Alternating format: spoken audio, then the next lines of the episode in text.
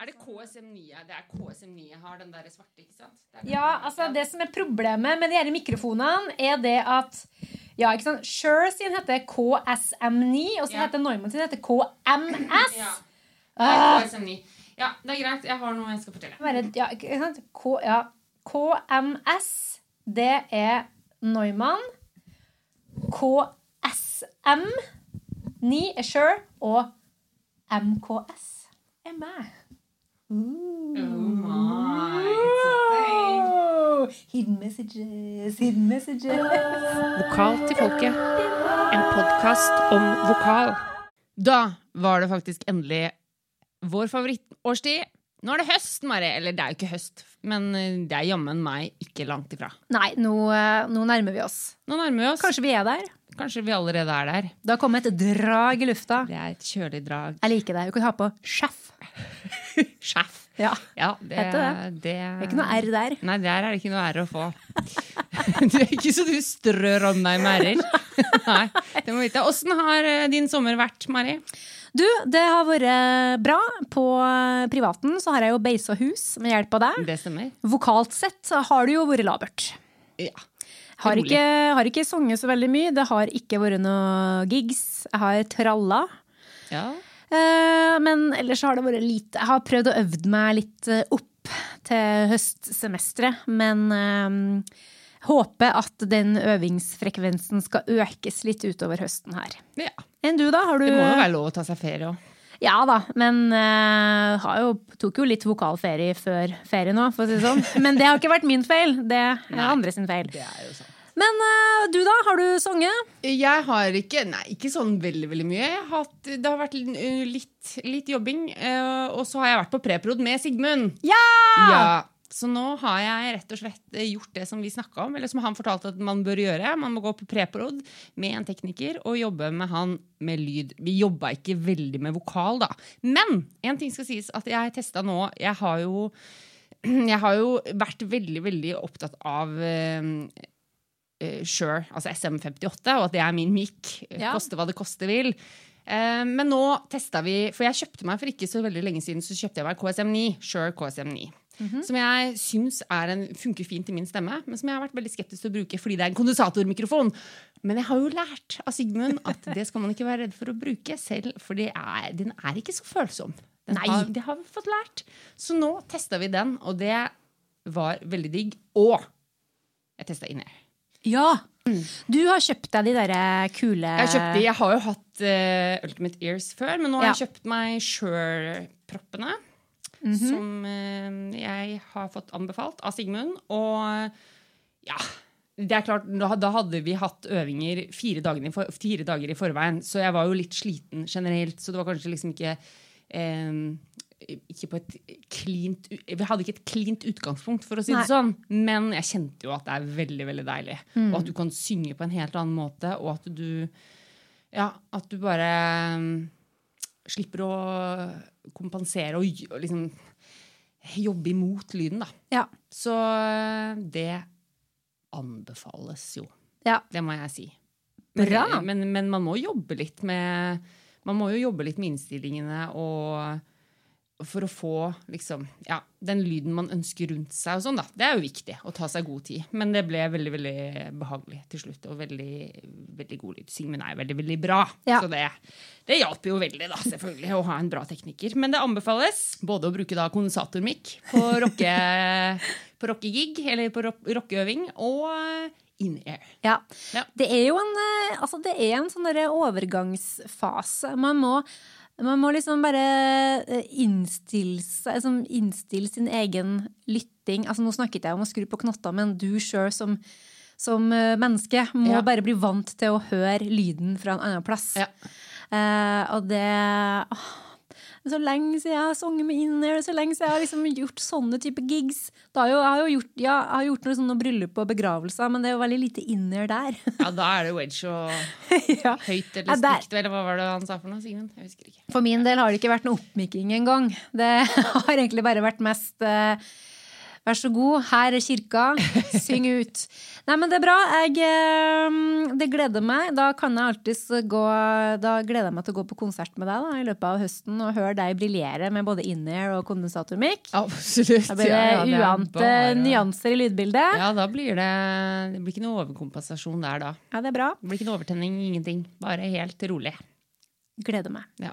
Altså, det har um, Altså, før sommeren så var jeg så lei av eh, Zoom og, og det å skulle på en måte lære meg nye vokale ting og ha sånn derre fagprat på nett. At jeg bare gikk helt i lås. Så jeg har ikke så veldig mye eh, Jeg kan ikke fortelle lytterne eller deg så veldig mye spennende som jeg har lært eller forska på, for jeg har ikke gidda. Men én ting har jeg fått med meg. Ja. Um, du skjønner det at det var vel i fjor så fikk jeg sånn herre um, Kanskje veldig mange fikk det, sånn innbydelse til å bli med i sånn koronastudie gjennom Oslo universitetssykehus.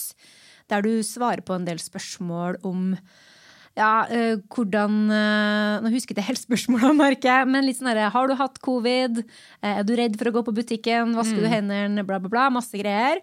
Og jeg har jo aldri hatt covid, men jeg har jo svart på spørsmål og sånne ting. Så får du sånn nyhetsbrev i ny og ne der de forteller hva de har kommet fram til. Ja. Og så fikk jeg et, eh, et nyhetsbrev her, eh, sommer 2021, der de eh, forteller litt hva de har kommet fram til.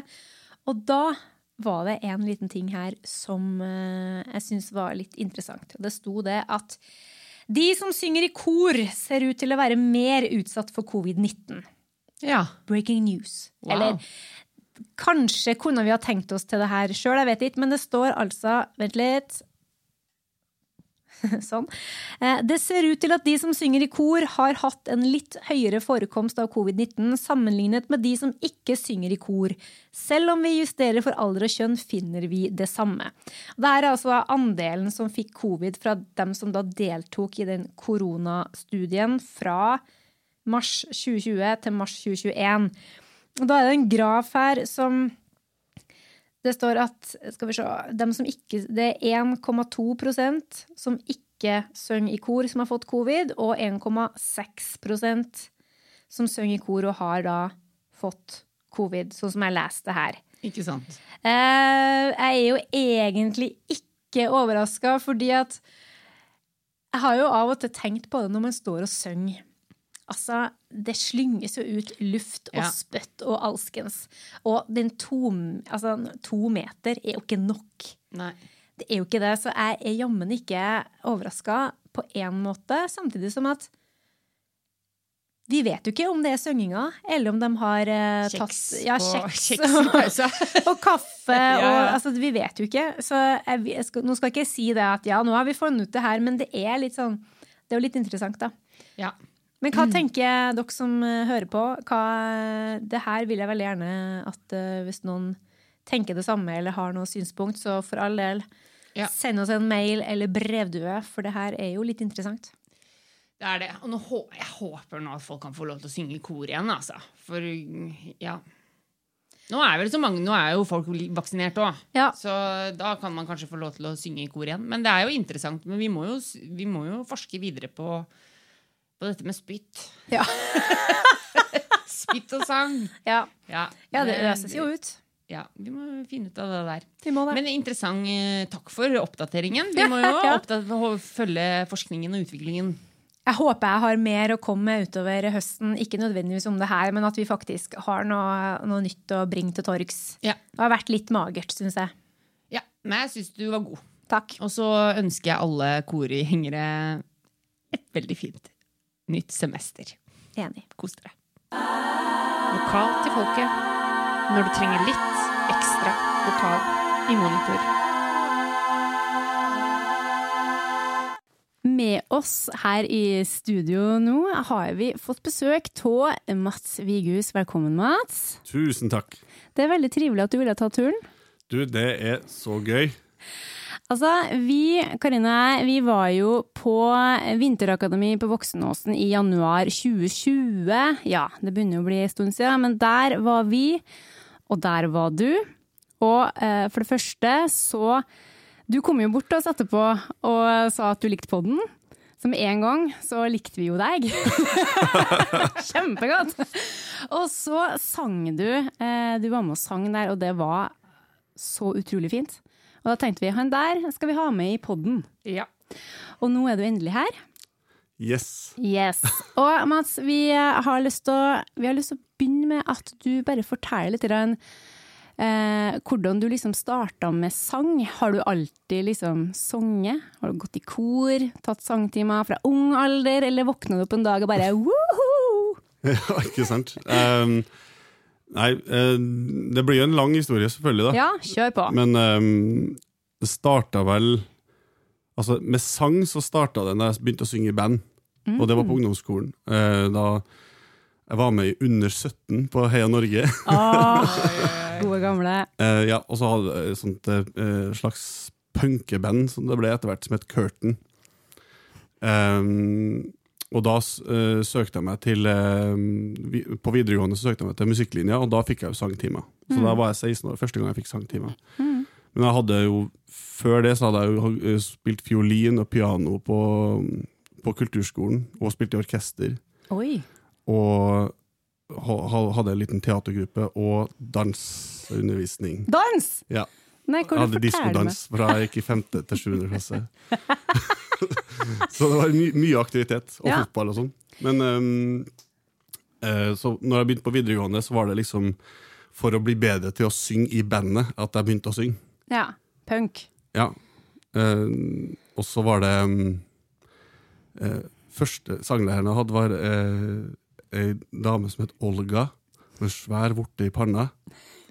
Og som hadde veldig sterk parfymelukt. Som eh, eh, Hun trodde at jeg hadde piano hovedinstrument, så hele første eh, timen brukte jeg på å ta hånda mi opp fra kneet og putte ned på tangenten, og så gjøre det feil hver gang.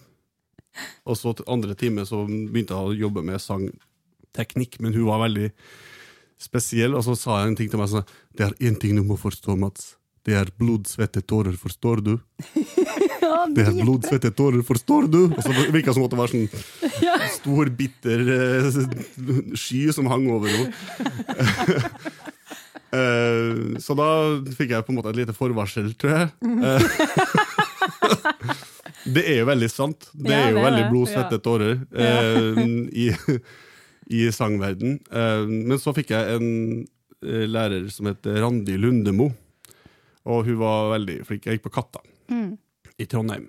Um, og hun var den første som på en måte begynte å jobbe med mer klassisk uh, musikk og pop, eller hva skal vi si, viser, Ja. musicals, sånn som man gjør på videregående. Ja, ikke sant? Um, og jeg husker veldig godt en av de tingene som hun jobba med, var sånn Eiffeltårn, kalte jeg det. Eller Liksom Ja. At man skulle tynne ut oppover og jobbe med å tynne ut falsetten og få overgangen. Mm. Det jobba vi masse med, og det tror jeg var veldig veldig lurt. På det tidspunktet. Og så, og så er det sånn at når man går på eh, en eh, musikklinje, så er det sånn at ja, du skal vel søke konservatorium. Og så søkte jeg i Trondheim. Jeg kom ikke inn. Jeg kom ikke videre engang. Um, og så da tenkte jeg ja, militæret på Ørlandet, Toneheim folkeskole etter det. Og da var det igjen sånn, skal du ikke søke konservatorium? Så det var liksom planen, man skulle liksom bare følge den der veien. Ja. Uh, og da søkte jeg først i Danmark, Århus. Kom ikke videre. Søkt i Trondheim, kom til finalen, ikke inn. Og så søkte jeg på Musikkhøgskolen, kom ikke inn. Bare at du, de ville ha meg. Og det er klassisk du har søkt på hele veien? Ja, det var liksom det man gjorde. Ja. Eh, så det var liksom ikke så mange Det var ikke så mye rytmisk eh, musikk på tone, men i hvert fall ikke av sanglærerne Nei, men, kanskje Men var det jazz?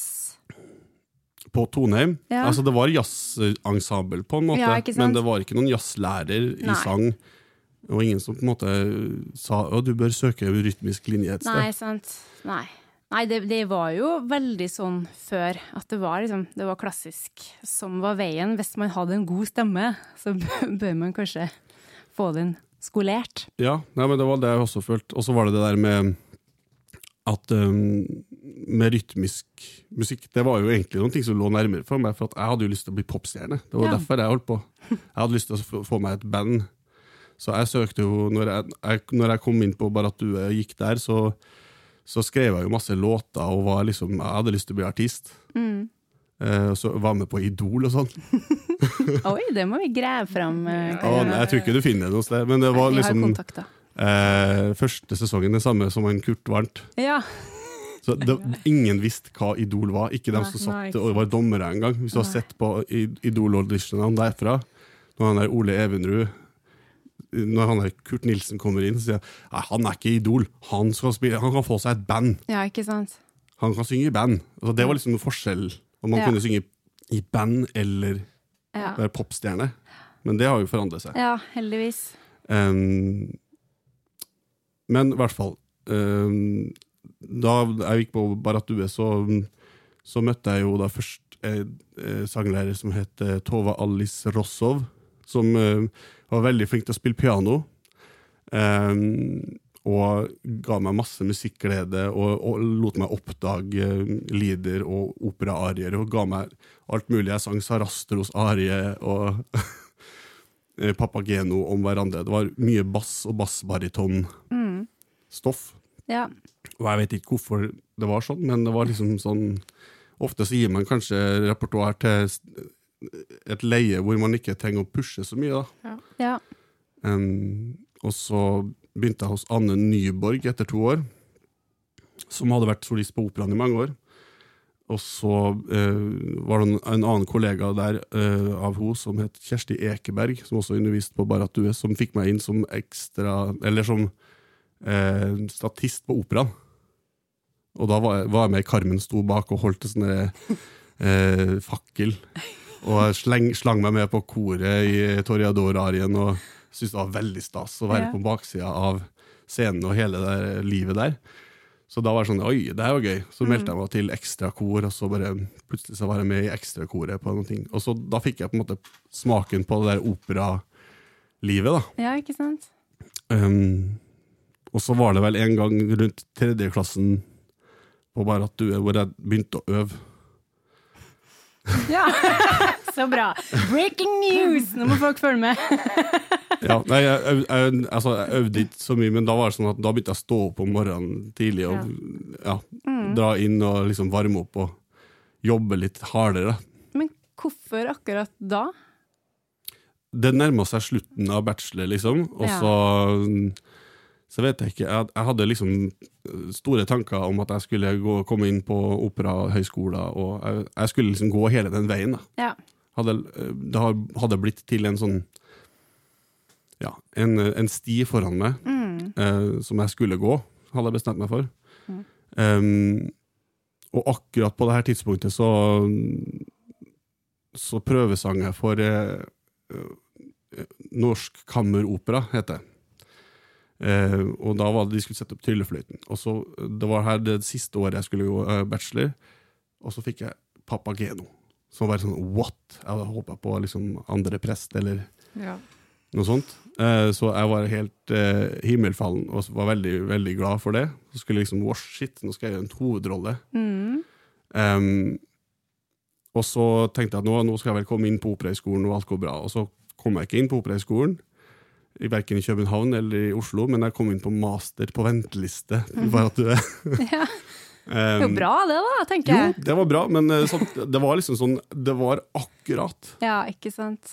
Um, og også når jeg da var med i eh, Det var en sånn Don Giovanni som ble satt opp i Kristiansand, som het Opera Island, hvor det var masse folk fra hele Europa eh, som eh, prøvesang.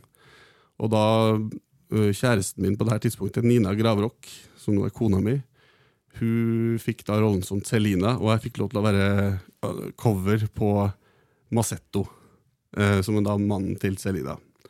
Så, og så sang jeg i koret. Og da var det en fyr som het Ragnar Ulfung som er sånn legendarisk norsk tenor, som har sunget lang, lang karriere. Han var overbevist om at jeg var tenor. Det var første gangen jeg hørte det. Altså, jeg var jo og eh, så den forestillinga i Kristiansand, for jeg bodde der da.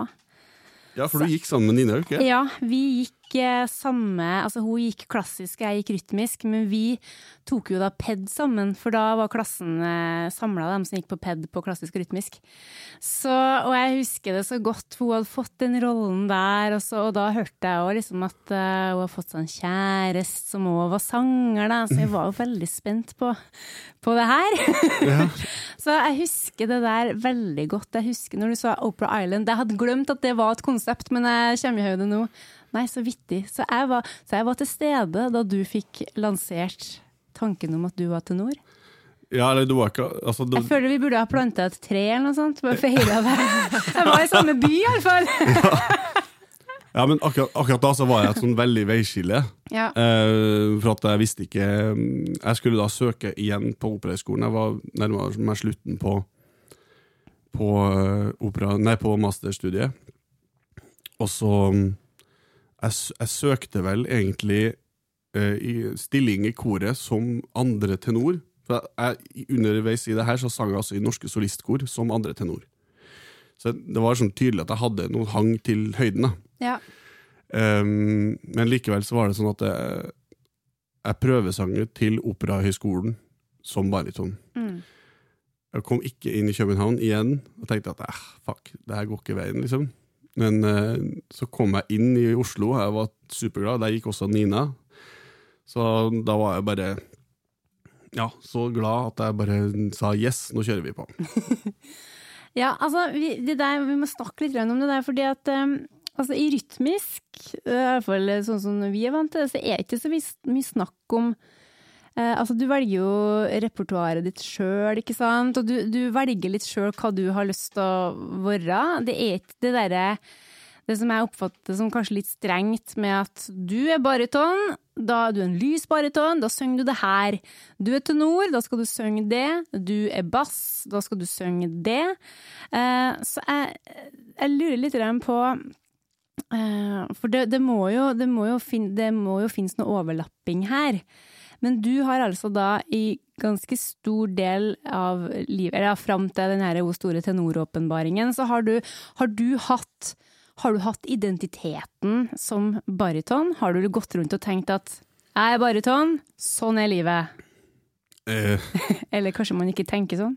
jo, jo, det var kanskje det. Altså, jeg, jeg prøvde veldig hardt for å være en bariton. Ja. Um, og um, jeg vet ikke om noe barytonrepertoar jeg ikke har vært igjennom, nesten. Altså, jeg har, uh, jeg har sunget veldig mye av det repertoaret, og så um, har jeg også fått til ting, da. Altså, Ja. jeg kom inn på Operahøgskolen Mm. og eh, jobba, og da, og da husker jeg at det var liksom snakk om skal jeg legge om eller ikke. Ja. Og da sa folk bare sånn nei, nei, nå skal du konsentrere deg om å bli bariton. Mm. Og da hadde jeg jo han eh, Karsten Stabel som lærer, som var da bass på operaen. Um, og han lærte meg masse om klang og, og legato og få med kroppen og sånne ting. Men kanskje han utfordra kanskje ikke høyden noe særlig, da. At det var på en måte sånn programfest at jeg skulle bli bariton. Mm. Um, så um, hvis jeg ser tilbake på det nå, og har hatt muligheten til å gjort øvelser opp, for han sa ofte at det er sånn, ja, en god fisk kan du få tredje året. kanskje en god G, hvis Ja. du er heldig. Der får du kanskje når du er 40. Det er sånn, jeg vet ikke. Det var noen eh, Ja. greier der. Um, men uh, i hvert fall så var det sånn at underveis i, uh, i studiet på Operahøgskolen så møtte jeg jo kanskje den som gjorde, har gjort størst innvirkning på alt, og det er Jon Lida. Um, altså, hvis du ikke vet hvem han er, han er operacoach extraordinær, altså virkelig et sinnssykt eh, vel av kunnskap. Uh, han, han kan så mye, og han uh, kan altså ikke bare spille, men også masse om vokalteknikk. Og læreren som han hadde jobba sammen med i New York i veldig mange år, Trish McCaffrey, eh, begynte jeg også å jobbe med, og dro til New York og eh, ja, jobba masse med henne og mannen hennes, Mark Schnabel. Og ja, i det hele tatt eh, Det som også som jeg syns er viktig å få fram, er at jeg, når jeg sier at jeg har gått hos én lærer, så har jeg alltid tatt masse andre timer. Eh, altså det, at man ofte blir liksom litt definert og putta i en bås med at han går hos en lærer. Eh, at det er viktig å tenke at det, at det er sangeren sjøl som står ansvarlig. Eller, eller som jeg, jeg liker å si at en sanglærer skal verken ha skyld eller æren for en fantastisk sangerkarriere. Det er sangeren sjøl. Ja, enig. så det er bare en, en Ja, det er viktig å ta med seg at det, det, at det der skjedde underveis på Operahøgskolen, og at jeg eh, også var sammen med Nina, da, som også gikk hos Trish, og mm, vi, vi samla utrolig mye erfaringer sammen. Eh, og, og sånne gjestecoacher som kom på besøk og alt mulig sånt. Um, men så skjer jo det der at eh, jeg, går, jeg er ferdig med Operahøgskolen. Jeg, går- jeg kommer inn som praktikant på Operaen. Og får kjempefine oppgaver som bariton. Var med i tre produksjoner, var cover i tre andre. Eh, hadde masse aktivitet.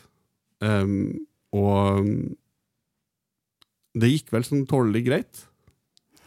Eh, jeg kom meg gjennom. Eh, jo, men altså det, det ble aldri spektakulært. Det ble det ikke i det hele tatt. Men det, det gikk greit. Og jeg, jeg fortsatte å synge. Jeg fikk flere roller rundt omkring i distriktene, og så bare ja, fikk jeg på en måte en slags karriere. da. Fikk eh, jobbe med sang, selv om det gikk i bølgedaler. Um, og så, i 2011 var det da, det, så det der Oprideren var i 2006, så det var på en måte tenorsjokket første, og så, og så var det tilbake til eh, bariton en god stund. Ja. Og så var det da i 2011 hvor Trish, hun som var da læreren min, eh, kom til Bergen for, å, for at mannen hennes var med i eh, Hoffmanns eventyr, som jeg også var med i da. Jeg hadde fått en sånn rolle, jeg hadde to roller, som var for bass. Det vil si, det var bassroller. Um, og hun bare hørte på de forestillingene og sa at 'you're tenor'. ja, ikke sant. Ja, og jeg måtte komme på time dagen etter og synge Sigmund. Og det var hallelujastemning, og alle sammen Og jeg måtte liksom løfte tungt og synge høyt og sterkt og bare Å, yes, det her er tingen. Så da er jeg bare veldig sånn uredd, bare sa til hele verden 'Jeg er tenor!' Nesten litt sånn sånn religiøst, noe religiøst over det. Du har sett lyset? Ja, Tenorlyset. Ja, men det er jo et eller annet med tenorrollene er jo generelt sett, i hvert fall de, de riktige typer tenorrollene er jo veldig tiltalende å synge. Selv om du har, du har jo også en annen del av tenorrepertoaret som kanskje ikke er så tal, tiltalende, og det er spill tenor. Um, det er ikke det vakreste. Det er veldig morsomt. Det er veldig sånn skuespillersang, mens, mens hvis du får synge liksom de der, eh, enten de svære tyske eller de svære italienske tinga, så er det jo utrolig kult. Hva er det som gjør det så kult? Det må du forklare oss. Ja, hva er greia med det tenorgreiene? Ja, for det er jo et, det, er jo- men det er jo et gnål om det der Ja, er tenorhysteriet. Nå må du forklare oss og lytterne hva er det som er greia med tenor. Um, altså, tenorrollene generelt sett i de romantiske tidsalderen, da, kan du si det. Det er det som i hvert fall tiltaler meg mest. Det er der hvor de aller største følelsene kommer ut. Um, og det er øh, Og da, mener jeg store følelser i form av øh, vold og kjærlighet og død. Yes! Altså, ja, men så Don José som dreper Carmen, det er helt magisk. Ja. Jeg, jeg, jeg drepte Carmen for tre uker siden, det var helt utrolig. Hashtag den følelsen. Hashtag den følelsen. ja, men altså, bare eh, som Placido Domingo sa, han sa at eh, han elska å lide på scenen. Det var det beste han visste. For det er et eller annet med i en, På en teaterscene, hvis du skal få ut en følelse i form av å gråte eller å si noe i det hele tatt Du kan jo si «Åh!» Men du ødelegger jo stemmen din. Ja, det bryr jo ikke skuespillere seg om, kanskje, men eh, Men i hvert fall at de, de, de Det varer ikke så lenge. Nei.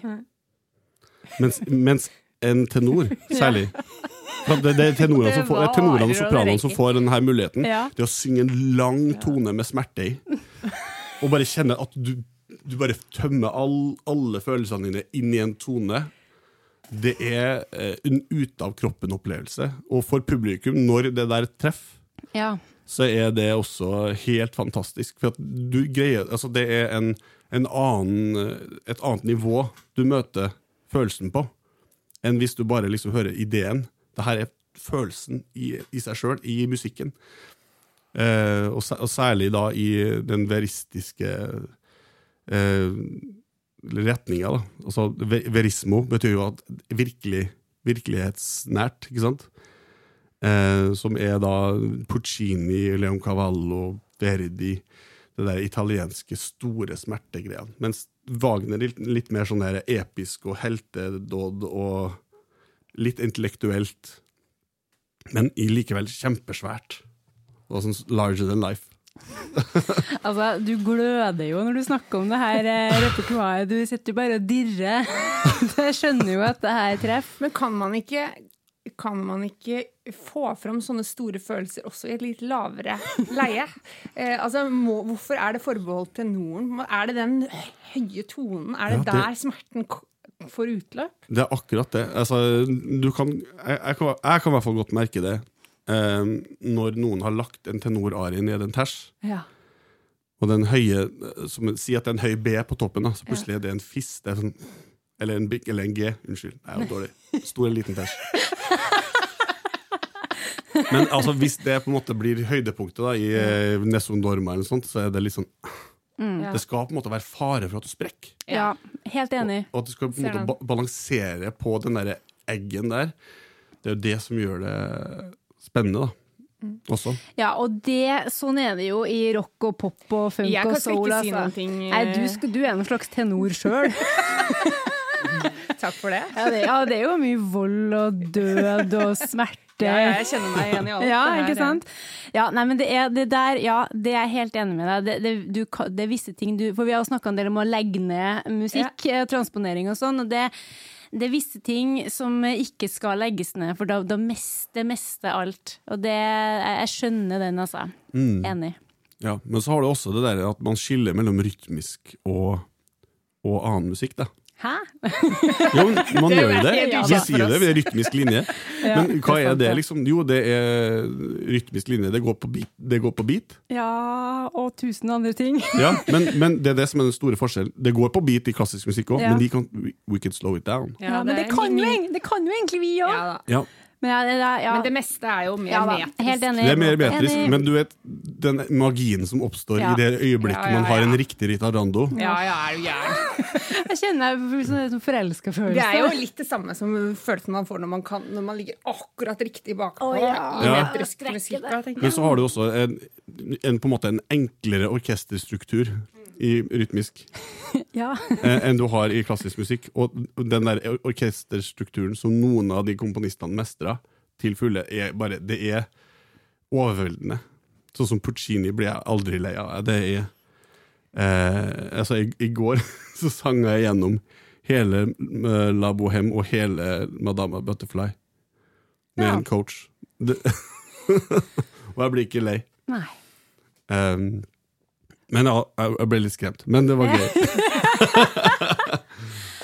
Ah, jeg føler meg altså, Jeg føler at det Jeg føler meg litt sånn følelsesmessig oppvridd etter bare å ha hørt at du snakker om tenoren. Ja. Så ja, du, Ja. Dere er nok inne på noe. men men um, la oss gå mer i dybden på tenoren her. Hvordan er det liksom da å omstille seg fra, fra liksom bariton til tenor? For at myten om tenoren er jo litt sånn ja, litt diva, kanskje. Kommer inn i rommet og føler at han er kongen. ja, Tenker kanskje det. Eh, Jeg vet det er mange historier om tenorer, da. Ja. Selvfølgelig, som tar plass. Jeg tror at det er, det er viktig for en tenor særlig å ta plass uh, for å passe på instrumentet sitt. At det på en måte greier å yte riktig på konsert eller på forestilling. Um, og at det er mer eh, skjørt, da. Altså, eh, hvis du ikke gjør ting riktig, så går det ikke. Eh, så det, det, det er nok noe sannhet rundt det der. Selvfølgelig, Det er noen som lar deg gå til hodet på seg. Og det er ikke noe morsomt. Det, altså, man skal jo hele tida prøve å finne en linje. Så, og jeg har vært bariton i så mange år at jeg har bare vært en klovn og hatt det morsomt. Så er liksom bariton er litt klovn, tenoret diva, og bassen er bare Han er på fisketur. Bassen var ikke der. Nei, men jeg har nok et litt inntrykk um, av at bassene er litt, um, er litt lat. Og så at, at, at baritonene En del barytoner er litt sur fordi at de har lyst til å være tenorer. Og så er tenorene liksom the chosen ones. Ja, De som virkelig er baritoner og får det til, Ja. tror jeg ikke har lyst til å bli tenor. Nei, det tror ikke jeg, men jeg tror nok det er noen som, som prøver veldig lenge. Jeg har jo hatt noen studenter som står og strekker seg og strever, og jeg tenker ja ja. Ja. ja, Men ofte så skal du på en måte Det som er dritt med å være baryton, det kan jeg si etter mange år, eh, det er at folk sier 'Kan du synge det litt mørkere?' 'Kan du få litt mer malm i stemmen?' Malm? Liksom, Å ja, så du vil at jeg skal Sånn her. Og så, ja, akkurat sånn! Og så bare har du laga deg en spenning. Liksom. Ja. ja uff. Um, det, det som jeg husker fra tida fra da jeg liksom sa 'nå er jeg tenor', så var det som at da begynte jeg bare å synge med den stemmen jeg hadde. Ja. Og, og, og så sa jeg at ja, men jeg er tenor, så jeg kan synge akkurat sånn som jeg vil. Akkurat sånn, Jeg trenger ikke å formørke, jeg er tenor. Sant? Men eh, likevel ba jo folk meg om å gjøre det. Og så, og så plutselig Selvfølgelig skjedde jo det at eh, jeg ikke fikk så mye oppdrag eh, som bariton. Eh, og så var jeg klødde meg litt i hodet og tenkte ai, ai, ai, jeg får jobba på. Og så skjedde masse rart med meg. Um, um, og det, det som var rarest, var vel at jeg tok en neseoperasjon. Oi! Um, jeg hadde det som kalles skeivt septum. Altså neseveggen var skeiv inni, og det var vokst store polypper på. Så jeg hadde ikke i hele mitt liv kunnet ø, puste gjennom begge nesebor. Ehm, så jeg var hos øre-nese-hals-lege her på Torshov, og så sa han ja, du må inn og opereres. Så, ehm, eh, Sjokkskade. ja, det vil, det vil jeg tro liksom påvirker litt ting. Du skulle tro det. Det som var litt, det som var litt spennende med det her, da, da tenkte jeg at ja, nå frigjør jeg alt kvangerom! Ja, ja, Nå kommer alt til å gå bra! Eh, så, eh, men det var, det, det, ble, det var litt mer voldsomt enn jeg hadde trodd. Eh, de, de skar jo inni, Ja. inni nesa. Eh, og så husker jeg at jeg hadde da en eh, da, da, da jobba jeg ikke så mye med Trish lenger, og så gikk jeg over og hadde en sånn masterclass med Susanna Eken. Hun var en sånn som kom innom på Barrat Due opp gjennom alle år, og hadde jobba med hun masse. Sånn som gjesteprofessor, på en måte. Eh, og hun var veldig støttende og, og hyggelig, og sa du skal få lov til å synge tenorrepertoar på en, på en konsert i Olavshallen, som var til, liksom, eh, til ære for det sangkurset som hadde vært til Olavsfestdagene mange år. da. Så da skulle jeg synge Don Josés arie, og det var bare sånn jøss, yes, kult, da får jeg sjansen. Um, og jeg husker at jeg var liksom på vei til å komme fra den derre neseoperasjonen, og jeg var stappa full av kortison og uh, Ja, det var smertefullt. Det var sånn, dag, den første dagen jeg hadde mm, sangtime, så vibrerte sånn i hodet mitt. Uh, og det, det som skjedde da, som jeg tror skjedde, jeg er ikke sikker, men at bihulene mine hadde alltid vært fullt av væske. Ja. Og for første gang så vibrerte lyd i de. Oi, herre herlig. Så eh, den natta så bare var hele hot altså jeg, jeg våkna opp, og så bare kom det masse blod ut av nesa. Sånn, sånn ja, jeg vet ikke. Et stort glass med vann, liksom. Eller så, sånn den, den størrelsen. Så det var jo scary som bare det, og det var veldig smertefullt. Og så skulle jeg inn og synge det til Nordgren, og jeg, det gikk ikke så noe bra. Jeg var ikke så fornøyd. Og, det var liksom, og så var det, etter det så var det plutselig et eller annet som skjedde mest Jeg følte at det var et eller annet sånn crack, kalte jeg det Mm. eh, som skjedde rundt eh, Fisk-G. Da, da, da, da, da knakk stemmen over, eller den ble veldig ustabil.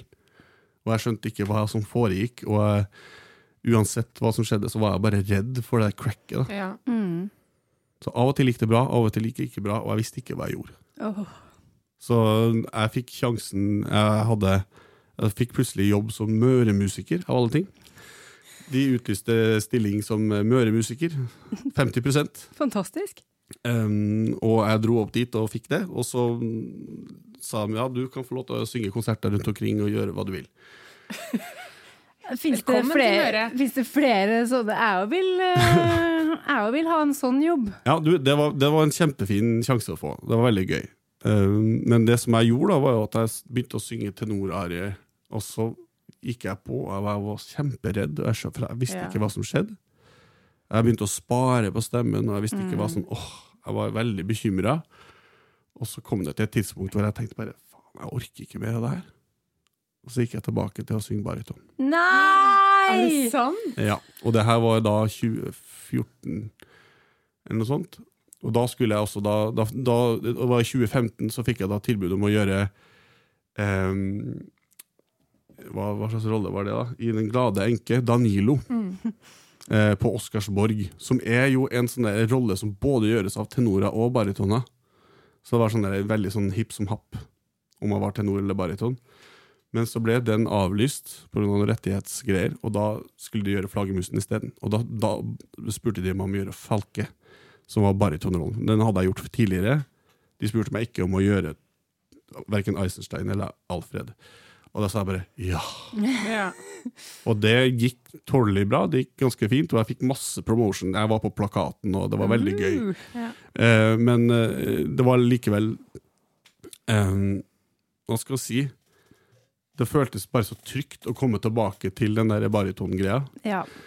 Eh, og så jobba jeg da med han regissøren Ronald Rørvik, som setter opp veldig mye rundt omkring i distriktene. Og så bare plutselig baller det på seg, og jeg fikk masse fine baritonoppdrag. Jeg gjorde eh, Sorga i Perlefiskerne, Toreador i Carmen og ja, rundt omkring. Det var plutselig en kjempebusy season, liksom. Så det var eh, de glade dager. Men likevel Jo, men likevel så følte jeg det, det, gikk, det gikk ikke spektakulært. da Det, det var aldri sånn derre wow! Det var sånn OK, det gikk. Ja. Det gikk. Greit.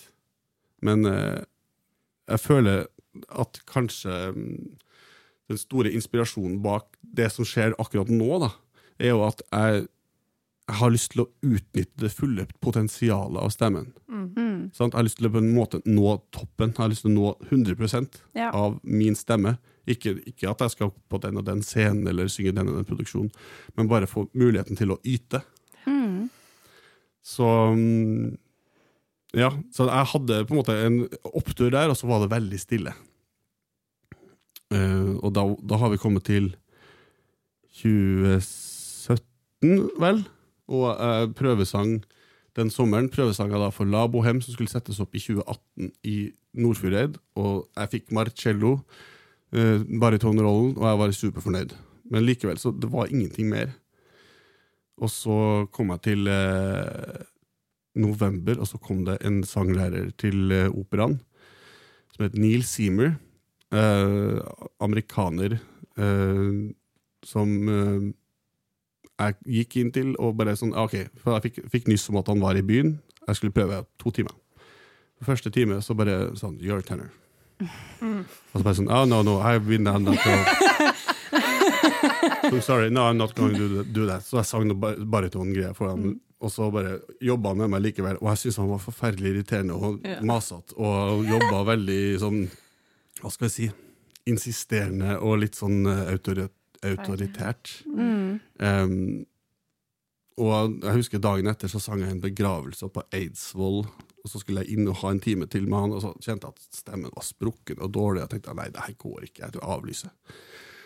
Og så, men så kjente jeg liksom halvveis ut i den begravelsen Nei, faen, stemmen sitter likevel. Jeg gjør det. Nå bare gjør jeg, gjør jeg det her, og så ser jeg. Og så kommer jeg inn, eh, og han starter timen bare sånn uh, Please let me do something tenor with you now. Just to see. Og så sa jeg bare OK, jeg er åpen, jeg er greit, jeg gjør hva du vil. og så sang jeg Celeste Aida, og så sang jeg Don José Sarie, og så sang jeg Altså, plutselig så bare Av en eller annen magisk greie han gjorde, så bare satt alt. Ja. Og jeg plutselig hadde meg opp på en høy C som jeg aldri hadde sunget i hele mitt liv. Og jeg bare Hva er det, hva er det her? Mm. Og da skjønte jeg på en måte at nå, her har jeg fyren. Ja. På det her tidspunktet i min eh, utvikling, akkurat nå, det her er fyren. Mm. Um, så han Jeg bare sa at jeg vil at du skal jobbe med meg, Mm. Uh, men jeg vil ikke at du skal si det til noen. Jeg vil jobbe i hemmelighet. Åh, spennende! Sånn elsker jeg. Ja! Ja, for at det var sånn uh, Sist gang så hadde jeg brent meg, på en måte. ja. Eh, så jeg var på en måte fullstendig underground og jobba med han via FaceTime og Skype, liksom. Ja, du liker ut sånt. Men altså, jeg hadde vel 50 timer med han i løpet av et år. Eh, via, via FaceTime. Jobba hver uke. Oi. Og noen ganger to ganger i uka. Sånn. Eh, han jobba med å få meg forferdelig ned i energien. Jeg har alltid vært veldig sånn oppjaga og oppe i energien. Ja, ja. Så jeg måtte liksom bare ned og puste. Av og til så gikk det liksom Jeg måtte stå og puste i fem minutter og sånn. Det er lenge, altså. Det er kjempelenge. Og via Skype. Og så satt han liksom og så hørte jeg sånn klikking på at han, spil, han, spilte, eh, han eh, skrev på et tastatur. Ja.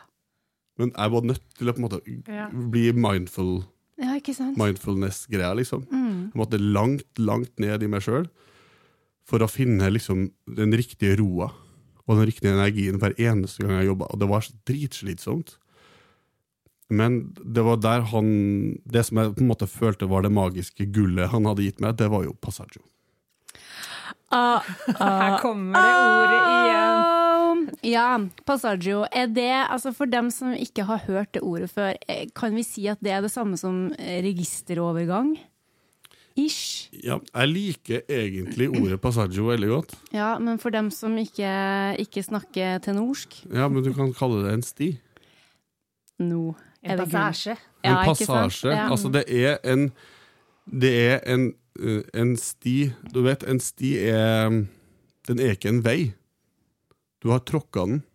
Den har blitt til etter hvert som du har gått den. Og det, det å kjenne liksom passasjen sin, Mm. det gjør man, tror jeg, ved å gå veldig, veldig dypt til verks og mindful til verks. Og jobbe sakte og konsentrert hver eneste gang man gjør det, ganske lenge. Ehm, og da er det snakk om at den passasjen ligger på forskjellige tonehøyder for hvert enkelt fag. Um, for en tenor så ligger den rundt fis, g, gis, de tre tonene. Uh, eller F, altså det er på en måte En sti blir jo til, på en måte, så du, Mm. du kjenner hvor du skal. Og for, bare for å presisere det, hvilken oktav er du i nå? Ja, jeg er så dårlig på de tallene, men Nå har vi eh, et piano her. Skal vi se. Det ligger her. Ikke sant. Oppi der, ja. Det er fisen. Kan dere bare skrive ned det, dere som hører på? Tori Amos, unnskyld. Hva sa du nå? Pavarotti ringer rundt alle fissene i partituret Ja, sitt. ikke sant. Ehm, bare for å vite at her er det trangeste punktet på min passasje. Det her er det stedet hvor jeg er nødt til å Ja, og da, da mener jeg Og det er noe av det mest fremmede, syns jeg. Ja. Det som Neil ba meg om å gjøre, det var å si Det høres jo helt latterlig ut, men en oktav over høres det ikke latterlig ut. Det er, da har du, sagt du at jeg synger en eh, Så høres det ikke så jævlig ut. Å, hva fint. Sant? Og det, det er det, i det, i det rommet, det skal klinge i det rommet. Ja. Og det å på en måte godta at man skal bruke det der rommet der oppe, for at man får beskjed av så mange om at nei, du må synge riktig vokal, du må synge riktig tekst, du må synge bla, bla, bla. Det viktigste er faen meg tonen. ja. At den klinger bra, og at den er vakker. Sant? ja. Um, og hvis du da greier å komme deg gjennom det, det stedet, så ligger høyden åpen for deg. For at det som jeg da lærte fra uh, videregående av, om Eiffeltårnet, det var på en måte halve sannheten. For at det er et timeglass. Ja! Et timeglass! Ja, for du skal gjennom Eiffeltårnet. Det er på en måte uh, passasj, Det er begynnelsen av passasjen, du skal Ja, slutten av passasjen og opp. og det var det én som jeg var innom som snakka om da jeg holdt på å legge om første gang. Det var Kjell Magnus Sandve, som hadde jo hatt en internasjonal karriere som tenor. Han var den eneste jeg har vært borti opp igjennom som har snakka om timeglass på den måten. Um, av lærere, da. Ja. Um, så det, det der er Jeg har følelsen av at det er Det har ikke vært så mye snakk, eller sånn konkret snakk om Passaggio eh, blant norske pedagoger. Og det, det, er, det er noe som vi må ta tak i. ja, absolutt. Men fortell mer da, om hvordan du jobba med det, Jo, altså, og det hva, var det som, og hva som er greia med det, og når vi er litt sånn i hva er greia-modus. med, med Passaggio. Ja. Det er jo på en måte at eh, når jeg sier hæ, så er det på en måte det rommet for hver vokal. da. Mm. Så fra i I blir mer til en y, nasal y. Og a blir til en nasal æ. Og en e blir til en nasal æ. Og, så, og alt går oppover i den der passasjen sånn. Ja. Og den har på en måte fire trinn. Du har har startet på en eh, si, en sånn tysk i. Da. Eh, tysk e. E. E. Sånn en lys e, liksom.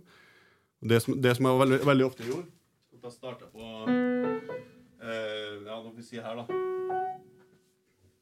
At, at du går rett på fissen. Sier i, i På i. I Så du, du har det, da har du på en måte Jeg vet ikke om du greier å sette ned på en måte skjematisk. Det er veldig sånn som man lærer når man står ved siden av hverandre og gjør det. Men da har man på en måte passasjen videre opp. Um, og det trangeste punktet da er da ja, ikke sant? Og den øverste, aller øverste, er på en måte da er, da er alle sluser åpne. Ja. Eh, da er det på en måte Og da Ja. viser du tenner og, Ja, og dropper kjeven. Men du dropper ikke kjeven. det er viktig å ikke droppe kjeven på det trangeste punktet. Er sant. For da åpner du. På en måte at, eh, det var også noe som skjedde jeg husker på Operahøgskolen. Jeg hadde en vikar. Eh, Njål Sparbo. Fantastisk fyr. Um, men på akkurat det tidspunktet jeg husker at jeg var Jeg hadde da Barbro Marklund som vikar, og så kom han og, var, og som ba meg om å åpne alt. Ja. Alt skulle være åpent. Uh, og så kom han og sa at du skal lukke alt. ja. Og da sitter man der, da. Ja, Og på en måte har begge to rett. Ja, det er akkurat. Eh, på en måte, jeg, jeg, trengte å, jeg trengte å åpne opp klangen min, men jeg trengte også å lukke klangen min der han Altså, han var kanskje også en av de som driver med det som han kaller for bel canto-teknikk. Så det var egentlig synd at jeg ikke prøvde litt mer med han. Jeg husker jeg ble redd. Ja, oi. Ble redd, ja. Ja, men Man blir jo fort redd når man eh, kanskje ikke Stemmen oppfører seg akkurat sånn som du har vært vant til. Eller, ja. um, og så man, føler man at man får så mye informasjon fra alle kanter at man eh, Ja. Apropos det å være redd, tror du det er en liksom sånn kvalitet en tenor må ha? At man er litt uredd? Fordi det er jo som du sier, det å balansere på den eggen, og at man ikke vet helt. Da må man jo på en måte være litt modig for å kunne stå i det kveld etter kveld. Ja. ja eh, Pavarotti sa det at de som sier at de ikke er redd, de lyver. Nettopp. Så at man skal være redd. Det er, det er helt reelt å være redd. Eh, for at det er ikke sikkert. Eh, og det, det snakka Neil om, at vi jobber jo med luft. Så det, Han sa at du må prøve å gjøre sånn der, På Gardermoen så har de et sånt sted hvor du kan late som du faller fritt fall. Oi. Hvor du kan liksom styre hvordan du flyr i lufta. Og det er jo egentlig det vi driver med med sang. Det er jo bare et luft. Mm. Vi kan ikke holde fast i denne tonen og si at nå har jeg den. Nei. Det går jo hele tida. Men bare sånn eh, for eh, Bare for å ha det på det rene her til lyttere og andre som lurer på, at eh, altså passaggio, eller passasjen, det eksisterer i, i all stemmer, uansett om det er tenor eller alt, eller Så, så det gjelder for alle. Ja, det vil jeg si, men uh, i større grad hos herrestemmer. Ja. For vi integrerer jo falsetten på en annen måte enn damer gjør. ja. Legg ut om det. Jo, for at altså eh, I hvert fall i klassisk sangteknikk så bruker man jo det der eh, hodestemmen og fløyteregisteret på, en eh, på en annen måte mm. enn man tradisjonelt gjør i rytmisk musikk. Og, og det er på en måte en mer sånn eh, Hva skal man si? En klang som er mer uh, Som har mer en kuppel, da. Mens den er mer flat i rytmisk. Den går på en måte rett på. Ja. Um, mens hos menn så er det ikke så forskjellig. Du ser sånn som Knut Anders Sørum som nailer Nessun Dorma på Stjernekamp. Eller Knut Marius Djupvik. For det her, Ja. det her har jeg snakket mye om. Ja. ja, du har det? Nei, altså dette her For den utfordringa der i Stjernekamp, når det kommer til å synge klassisk for en rytmisk sanger Altså menn kontra damer, der er jeg litt sånn nå, Dette har jo ikke jeg peiling på, men jeg har en følelse av, ikke bare en følelse, men jeg kan jo litt om sang, at det er en ganske mye større utfordring for damene. Fordi det er lenger fra Altså, Mm. Ja, det er lenger fra. det er lenger fra den lyden. Ja, de er nødt til å modifisere klangen sin mye Yes. mer, vil jeg si. Og det der er nok muskler som Men uansett eh, Det høres bedre ut for gutter enn det gjør for damene. Men selv om jeg sier at de nailer Nessun Norma, de hadde jo ikke, greid, de hadde jo ikke fått jobb i, på Nei, en europeisk scene. Nei, nei. Sant? Men, men de slipper, og det er jo noen av de damene stakkars som høres ut som en! Ja, Som får sånn uglelyd. Ja, ja. For, ja, for, og- men, så- men det er ikke så mange av de mannfolkene som får uglelyd. Nei, men de får knødel. De får, hva sa du? Knødel.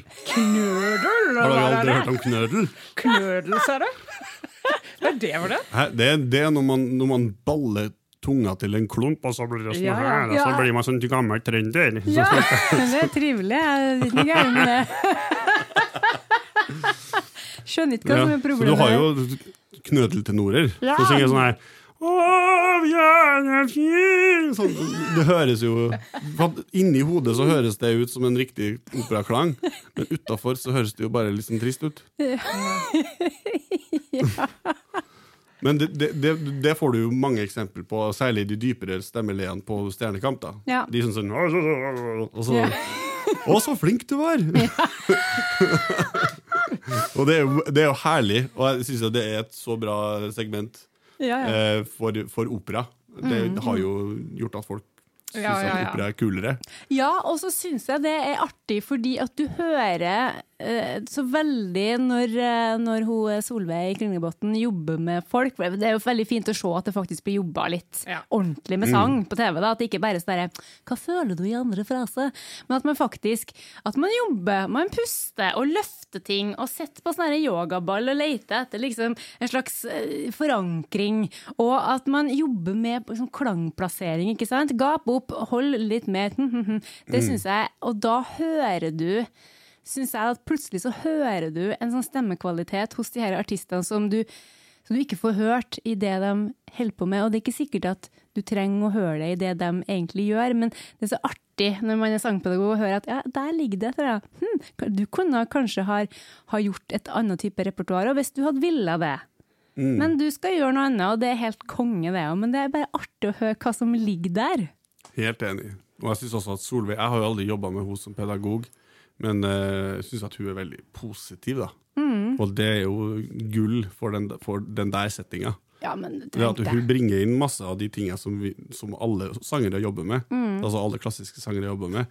Men hun har jo så liten tid å jobbe med dem på. Ja, Ja, ja, Så det er jo uh, Jeg, jeg syns at hun også er veldig sånn riktig person på riktig plass akkurat der. Tenk deg hvor redd de er Ja. når de går inn der. Og Ja, men hun er så snill og blid, og, Ja. bare- og hvordan hun greier å si noe positivt til noen som bare Det er vanskelig å finne noe positivt, ja. men så hun er likevel er bare sånn åh, Ja. Jeg syns det er veldig, veldig fint, altså. ja. Enig. Ugle og knødler. Ja. Mer av det. ja, eller Jo, jo, men man må Gjerne bare kjøre, man må kjøre på. Ja.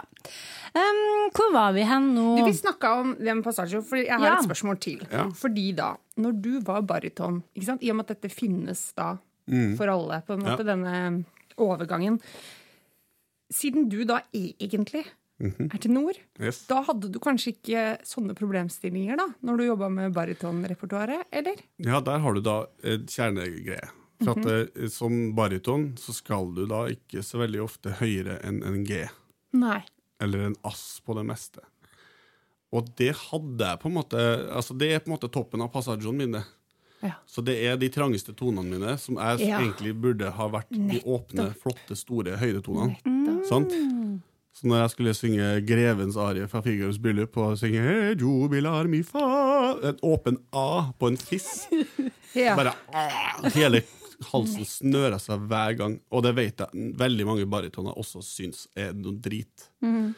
Eh, den tonen. For det er sånn typisk audition-arie for bariton. Og hele greia det der med bariton-auditions Åh, jeg er så lei.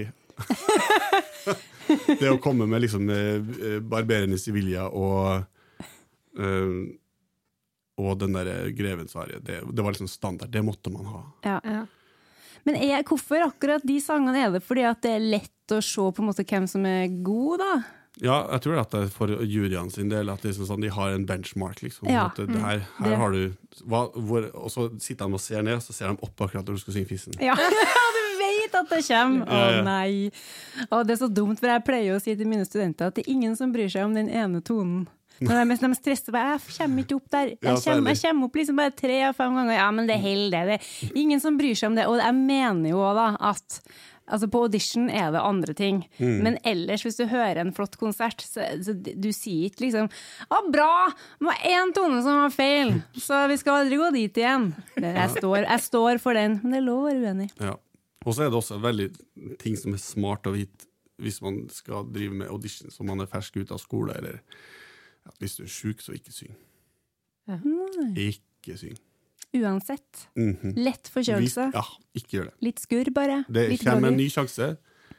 Det, det føles akkurat da som at det her er den siste sjansen i verden, men hvis det går skeis, det er så kjipt. Ja, det er jo veldig kjedelig, Eh. liksom. At You remember him? He couldn't sing a simple Ja. E. Jeg skal fortelle første gangen jeg gjorde tenor-audition.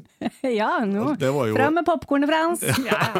Det var da eh, Jeg hadde nettopp eh, Omtrent like etter at jeg hadde bestemt for å bli tenor, sånn i 2011. Ja, offentlig. Ja, sånn Ja. på Facebook. Tenor! Som er! Sånn. Eh, og så eh, skulle Trondheim sette opp eh, eh, Og da er det en rolle som heter Edvin, som er liksom imellom tenor og bariton. Typisk sånn her Zwischenfach, kaller det.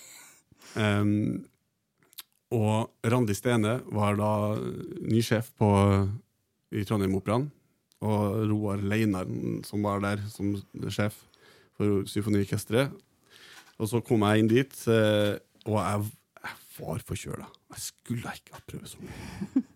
Så når jeg kom, jeg, jeg sang da Don Josés arie, tvang meg gjennom. Når jeg kom til slutten, så skulle jeg synge den derre Som går opp en B.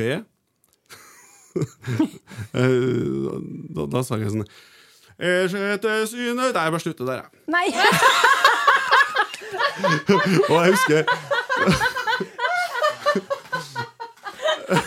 Og så husker jeg at han Magnus Loddgaard, som, som, spil, som spilte til, han bare, han bare glisa hele veien ut. Bare sånn mm, Bare sånn han, han var med på det der. Og da tenkte jeg bare å, herregud, for en Jeg ser jo for meg at fram til du kutta, så var du sikkert bare med. Jeg var desperat. Jeg bare Jeg bare slutter der, jeg. Ja, men da kjenner, man, da kjenner man sine begrensninger, da. Det er bra. Ja, men altså Det, jeg, ja, det, var, det, det gikk ikke. Nei. Nei. Så det, Bare slutte der. Å, det var bra, altså. altså, kom med, altså, tvunget meg gjennom hele arien, og så var det Ja. der. Uff. Det var det dere fikk i dag. Takk. Ja. Ja. Men man skal gjennom noen dårlige auditions òg, så det er ikke det. ja. Men ja, un, det, er bedre, det er bedre å avlyse. Eh, Også en forestilling. Det kan være helt drepen, ja. som for, som for eh, operasangere. Men eh, det er selvfølgelig det, det, det er mange som lider hvis du ja. avlyser. Så. Ja, men, altså, men hvis ikke instrumentet fungerer, så fungerer det jo ikke. Nei. Av og til er det jo sånn, det må nå være lov til å være dårlig. Men man har jo kanskje på operaen og sånn, man har jo kanskje noen understudies som står eh, Eller har man det? Ja, det er det som er eh, Det er jo så mye standard repertoar at det, innhopp er jo en ting. Så at man man får eh, liksom Man flys inn og har en prøve med regissør, og så har forestilling. Ja. Det skjer mye. Ja. Ja det, ja, det er jo sånn det, Sangere er jo faktisk normale mennesker, dem òg. Ja, men det det er også fort gjort å kanskje lage varige skader på stemmen hvis man synger og er syk. Ja. Så det, akkurat den, den greia er veldig viktig Mm. å ta hensyn til. For at du føler jo som sanger at alt står og faller på deg. Så det Ja. at du gjennomfører. Mm. Og så særlig det der med at i hvert fall ikke synge ut på en prøve hvis du er syk. Nei. Det er det verste. På, på en sånn musikalsk prøve et eller annet sted, og så fucker du deg før konserten. Det er jo bare sånn Ja. Det har også jeg gjort mange ganger. Ja, det der må, man må gå på noen smeller der, tror jeg. For å Ja. lære, for å lære det. Ja. Mm. Og så er det også noe med hva er det som kommer etterpå. Hvis du har en hel uke du skal gjøre masse, for eksempel, at, og du merker at nå, nå, nå står det ikke bra til, at man heller tar en liten pause, og så kan man kanskje synge resten av konserten. Ikke sant? Man har et lite opphold, og så synger man resten. Enn at man går på, og så er man ødelagt hele uka. Ja, det er bedre å ta kortison. Ja, Ja, Det har jeg aldri prøvd. men jeg har kortison, hørt ja. om det. Ja. Rett i halsen. Hm? Nei, det er tablett. 20 Tablett. milligram. Du, eh, ja, for det ok- OK. Det, det her skal selvfølgelig tas med en klype salt, og etter råd fra lege. Ja. Men etter hvert som jeg har holdt på en stund, så har jeg kunnet selvmedisinert meg med kortison. Jeg har gjort det tre ganger i løpet av mitt liv. Ja.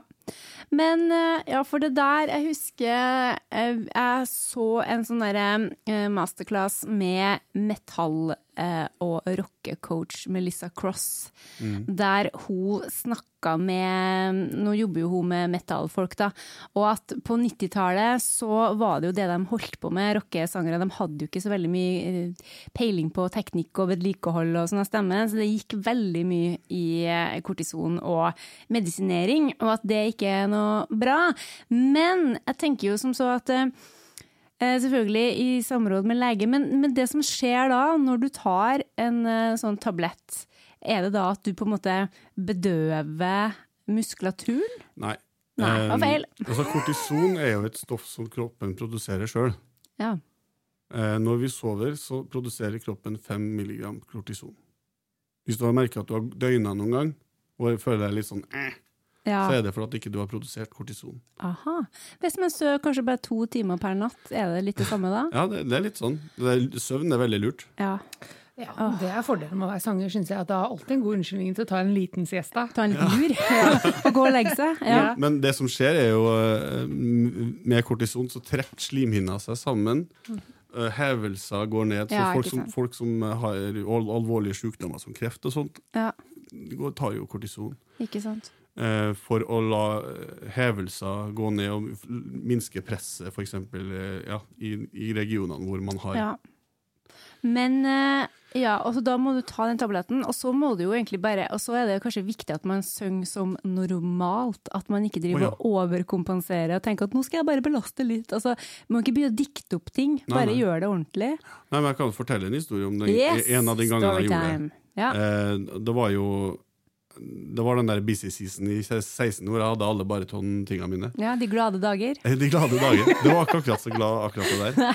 Jeg var utrolig dum. For jeg, jeg, jeg skulle synge i Brumunddal, eh, og så var jeg hjemom og fant ut at jeg skulle vaske bil. Ja. Sånn, i sånn oktober. Typisk ble forkjøla. Mm. Veldig dumt å ha masse vann på seg ute. I litt sånn- oktober! ja, veldig dumt. Eh, så da jeg, jeg kom inn på lørdag og sang forestilling, og kjente at når jeg kom på scenen at sånn, stemmen var sånn typisk litt sånn grov. ja. Og så bare sånn Å, shit. Jeg synger gjennom. Og så sang jeg gjennom den forestillinga. Og morgenen etter, når jeg våkna, så var jeg sånn Nei, det var Ja. ingenting. Nei. Da, da typisk Jeg har sunget på en syk stemme. Mm. Ja. Hvis jeg hadde gjort det riktig, så skulle jeg ha tatt kortison før den forestillinga. Mm. Da hadde på en måte hevelsene gått ned. Jeg hadde kunnet sunge på stemmen og hvilt dagen etter. Nå, nå hadde jeg allerede laga en større hevelse. Ja. Så da tok jeg kortison. Jeg husker jeg tok kortison på et sånn Ok, jeg tima det, så det skulle kicke inn tre timer etter jeg tok det. Og jeg husker at jeg, jeg, gikk, jeg hadde øh, først en replikk, en talt replikk på scenen, og så hadde jeg en liten stund før jeg skulle inn på å synge første gang. Og innimellom det så kjente jeg at plutselig falsetten var hel. Ja. Før det så var det sånn «Åh!» Og så plutselig! Og der var den. Bare sånn her, åh, shit, yes. Så det er, det er jo vidundermedisin, Ja. sant? Men eh, jeg har veldig sånn ærefrykt for å Jeg har ikke noe lyst til å liksom bli avhengig av det. Nei. Det er jo ikke Nei. det som gjør en stemme. Nei. Så det vil jeg bare presisere. Ja. At det, det her er nødstilfellene. Mm. Um, men det som skjedde da for at, I og med at jeg hadde jo Jeg var jo hadde jo allerede sunget på en ganske grov forkjølelse dagen før, så jeg var nødt til å For at jeg skulle videre og synge på noen andre greier seinere. Jeg skulle fly ned et sted og synge. Og da husker jeg at jeg var Jeg var så sliten i stemmen. Jeg var bare sånn, jeg er nødt til å markere alle prøvene. Mm. Ja. Jeg, jeg, jeg markerte generalprøven. Jeg markerte alt. Jeg Ja. sang nesten ingenting. Nei, Så gikk jeg på, så gikk det greit. Mm. Altså, jeg kom igjennom det. Men jeg var, det var scary. Ja, det skjønner jeg. Uff, ja, det er ikke noe, det er ikke noe oh, særlig grusomt. Ja, det der er ikke noe særlig. Altså, det er helt forferdelig når, eh, når på en måte det har satt seg et eller annet som ikke er muskulært. For av og til så, så eh, klarer, klarer man seg, liksom. Men, men når det er forkjølelse og sånne ting, da må man egentlig ta tida til hjelp. Eller da Hvis man virkelig må, så finnes det en tablett. Ja. Men som sagt, jeg, jeg tok jo ikke kortison da på den neste forestillinga. Så jeg, jeg prøvde så godt det var mulig å la kroppen hele seg. Ja, ikke sant. Eh, og det gjør det med hvile. Det gjør jo Og det. drikke kraft. Jeg er veldig glad i sånn kjøttkraft og sånn. Du drikker kjøttkraft? Ja, ja, ja.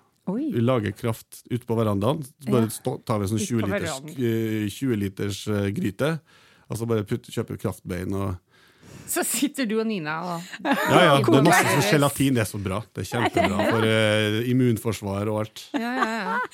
Det, det kan dere jo ha som en sånn bikarriere, vet du, Mats og Ninas eh, kraftsuppe for sang Ja. sangere. Det blir nye Kambodsjaen, liksom. Ja, ja, ja.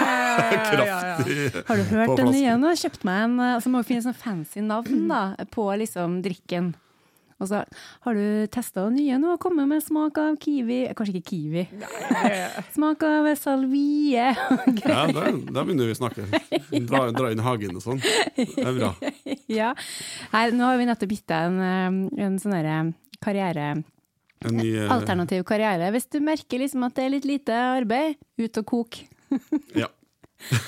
Ja, men um, herlighet. Altså Har vi men, men ja, en siste ting om det Passaggio-styret. Men det er, det er noe du må må du, for, må du jobbe med det hele tida? Altså øh, Jeg føler at jeg jobba inn en vane Ja. når jeg jobba det året, men det tok tid, altså. Det, tok, Mm. det, det krevde mye konsentrasjon og eh, tilstedeværelse. Mm. Um, og det, det tror jeg ikke er så lett å få til uten veiledning. Nei. Men når man først har leita fram altså For meg var det som at han hadde et skattekart. Mm. Han hadde Ikke funnet sant? kartet. Et sånt, en, en sti jeg kunne følge. Ja, ikke sant. Um, men nå som jeg begynner å kjenne at eh, ting går mer av seg sjøl, så er det jo deilig å bare kjenne at det bare, å, der var den. Men Ja. jeg, jeg er jo alltid klar over at det fins. Ja. Så hvis, hvis jeg ser at jeg skal synge en høy fiss, så går ikke jeg og åpner alt mulig. Da går jeg mm. ja, ikke sant. Så det er noe du alltid må liksom tenke Eller du vet når det kommer, på en måte. Ja. Ja. Men sånn, det er ikke alltid nok å bare si «Mm», for du må jo på en måte ha det fundert også. Ja. Du må jo komme fra et et støtta sted. Ikke sant? Så det er jo mm, Støtte er jo også et kapittel for seg sjøl. Ja, vi har prøvd å snakke om det. Men er det sånn at um, men, uh, Og det er overhodet ikke noen muligheter for å fake det passasjen. Det går ikke an å liksom bare gjøre noe annet? Eh, jeg, jeg tror ikke det. Knødel? Nei, hva heter det? Knødel. Altså, jo, men altså, hvis du tenker på hva knødel er, da, er jo å lukke rommet, egentlig. Du sier Du lager et trangere rom, og da er det lettere å treffe de tonene. Så du kan treffe de tonene, men det vil aldri klinge fritt. Nei, sant. Og det er jo det er det, vi ønsker. Og det vil, da vil ikke kunne bære gjennom et orkester, for eksempel. Mm, Men der har du altså en tenor må, Hvis en tenor skal nå en høy C, så må du gjennom passaggio. Ja. Du, du kan ikke bare altså du, Men det, det finnes jo noen som kan belte en høy C, men da, da har de på en måte funnet det topp, topprommet. da. Ja, ikke sant? Uh, mens en uh, bass Bassene er ofte Du sa at bassene var lat. Ja, altså, men eh, det var ikke for å være slem. Jeg bare, de snakker så lavt og brummer liksom av gårde. Ja, men altså, det som med mitt inntrykk av, av bassstemmen, da, det er jo at de, de har ofte veldig sånne imponerende talestemmer. Mm. Store, øh, sonore øh, Ja. talestemmer som de får masse komplimenter for. Mm. Så, å, du har så flott stemme. Tusen takk. Ja, det er sant. Ja. er Eh, sant. og så blir de på en måte litt sånn tilfreds med det. Og så synger de, og så skal de sjelden opp og, og over en E, kanskje en F. sant? Eh, og for å nå den tonen, så kan du bare øh, bruke krafta di og kjøre Ja. opp. Og så, og så kan du godt høre forskjell på da, de som faktisk har lært seg passaggio, ja, ikke sant? som på en måte det som Bassa vil da kalle en covered sound. da. Altså at, at du har kovret at du har kom, funnet en kuppel Ja. i lyden. Ja. Eller de som går! Og så er det veldig mange basser som går over i «Hm», Eller, en sånn derre rar nasal sånn der, så det er, Veldig ofte er det mange basser som går dit. Ja. Så for at de har den derre Ja, de vil på en måte inn i en sånn slags ping. Ping, har dere hørt om ping? Nei. Ping. Den, eh, eh, den derre det, det kalles for twang, kanskje? Twang. Ja. Ping. Twang. Ja. ja. Samme- Altså, at, du, at de misforstår ping med å ha det i nesa. Ja, ikke sant? Så blir det sånn Hø! Og det er ikke noe pen lyd. Hvis vi hadde sagt Hø! så hadde det vært penere. Ja. Men Ja. da har du på en måte løfta den igjennom. Ja, ikke sant? Ja, ikke sant? Men de kan rett og slett De har noen valg der, eller det er litt ulike måter å løse det på. Ja, men de kommer seg alltid gjennom. Poenget er at de har de dype tonene Nettopp. som ingen har. Ja, Ja. Det Så skal det, de det er det som er det viktigste. Ja. Og så er det liksom bare OK, så kom du da på den ene, og da er alt i orden.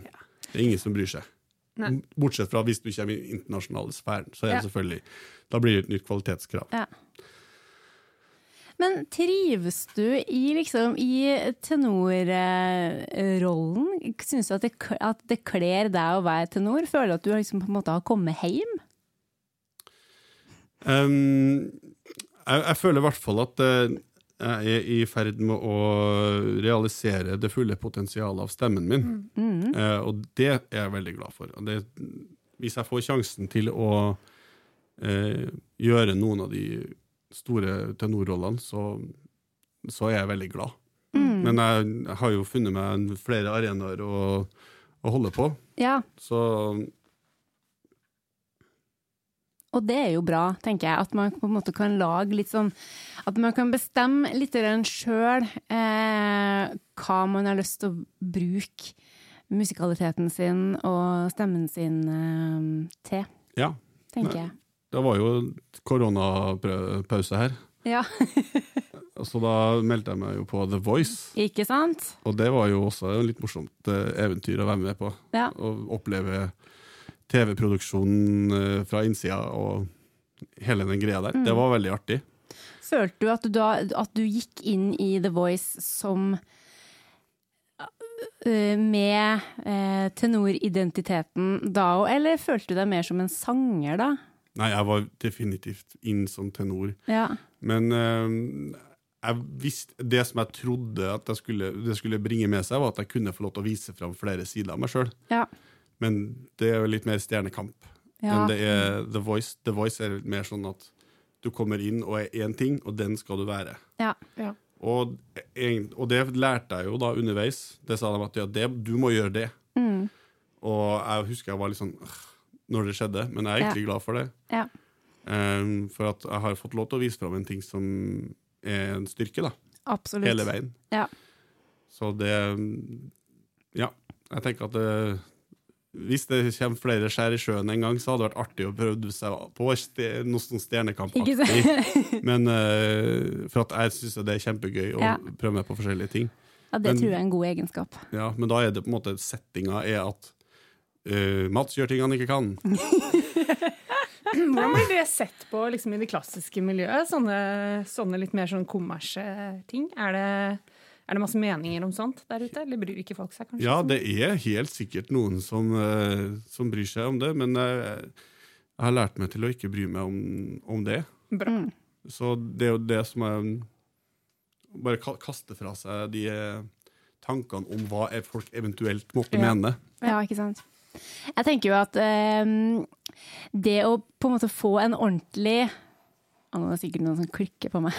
En ordentlig tenor, det, det er liksom litt sånn eksotisk. Selv om det, dere kryr jo på en måte, men det er eksotisk for at poptenorer det, det er jo, stas, men det, det er litt sånn derre Det er bare litt mindre lyd, litt, litt tynn Det er litt tynnere, veldig fint òg, men liksom poptenor tenker jeg som veldig må være veldig lett og spenstig og skal liksom krølle seg oppover, mens en eh, skal ikke si ordentlig tenor, da, men en klassisk Operatisk. tenor. en operatisk tenor, da er det litt mer sånn derre Jeg føler jo med enkelte tenorer når de kommer inn i rommet, så føler jeg at det blir liksom så trangt. Jeg må gå og stille meg i et hjørne, for at det er så mye karisma. Og det er jo, ja, men det er det. Og det er jo bra. Jeg skulle ønske at det var sånn at når jeg kom inn i et rom, så liksom bare Oi, Det er det jo. Så det det er klart det er jo det. Nei, men det er noe med det. Altså. Jeg, jeg liker tenorer, men jeg liker bariton, jeg liker basser, jeg liker alt. Jeg liker alt, jeg. Så lenge folk synger og har lyst til å bjude på noe, så er jeg med. Absolutt. Mm. Jeg er enig. Så får vi få disse bassene tilbake fra fisketuren. Da, vet du, også. Ja da. Jeg liker basser, jeg også. Ja. Det gjør jeg òg. Ja, det gjør jeg, men vet du, jeg, det, jeg syns ikke det er så mange eh, av dem. Jeg hører mer om mørke baritoner altså i de, i de eh, miljøene jeg vanker i. Så Ja. føler jeg veldig sjelden at jeg møter på liksom, en sånn vaskeekte bass. Ja. Men det er klart, når det først kommer noen Jeg har jo, en, har jo hatt en student nå som har en sånn derre Virkelig en stor bass. Sånn talestemmen er altså så vanvittig malmfull. Og det er liksom at det, det synger jo i alle instrumentene, han bare sier hei. Ja. Og det er gøy! det er gøy. Men det som også kan skje, er jo at folk kommer inn og har en veld, veldig malmfull talestemme, og så begynner de å synge, og så bare Og så Ja, nei, det er den borte. Ja, det er stort. Det, er, det her er en flott stemme. Ja, så bra. ja, veldig bra. OK, altså um, Altså, det her syns jeg var veldig spennende, og den der timeglassgreiene, det Ja, det er noe å tenke på. det Jeg har lært masse. på. Om Ja. tenoren. Jeg har det.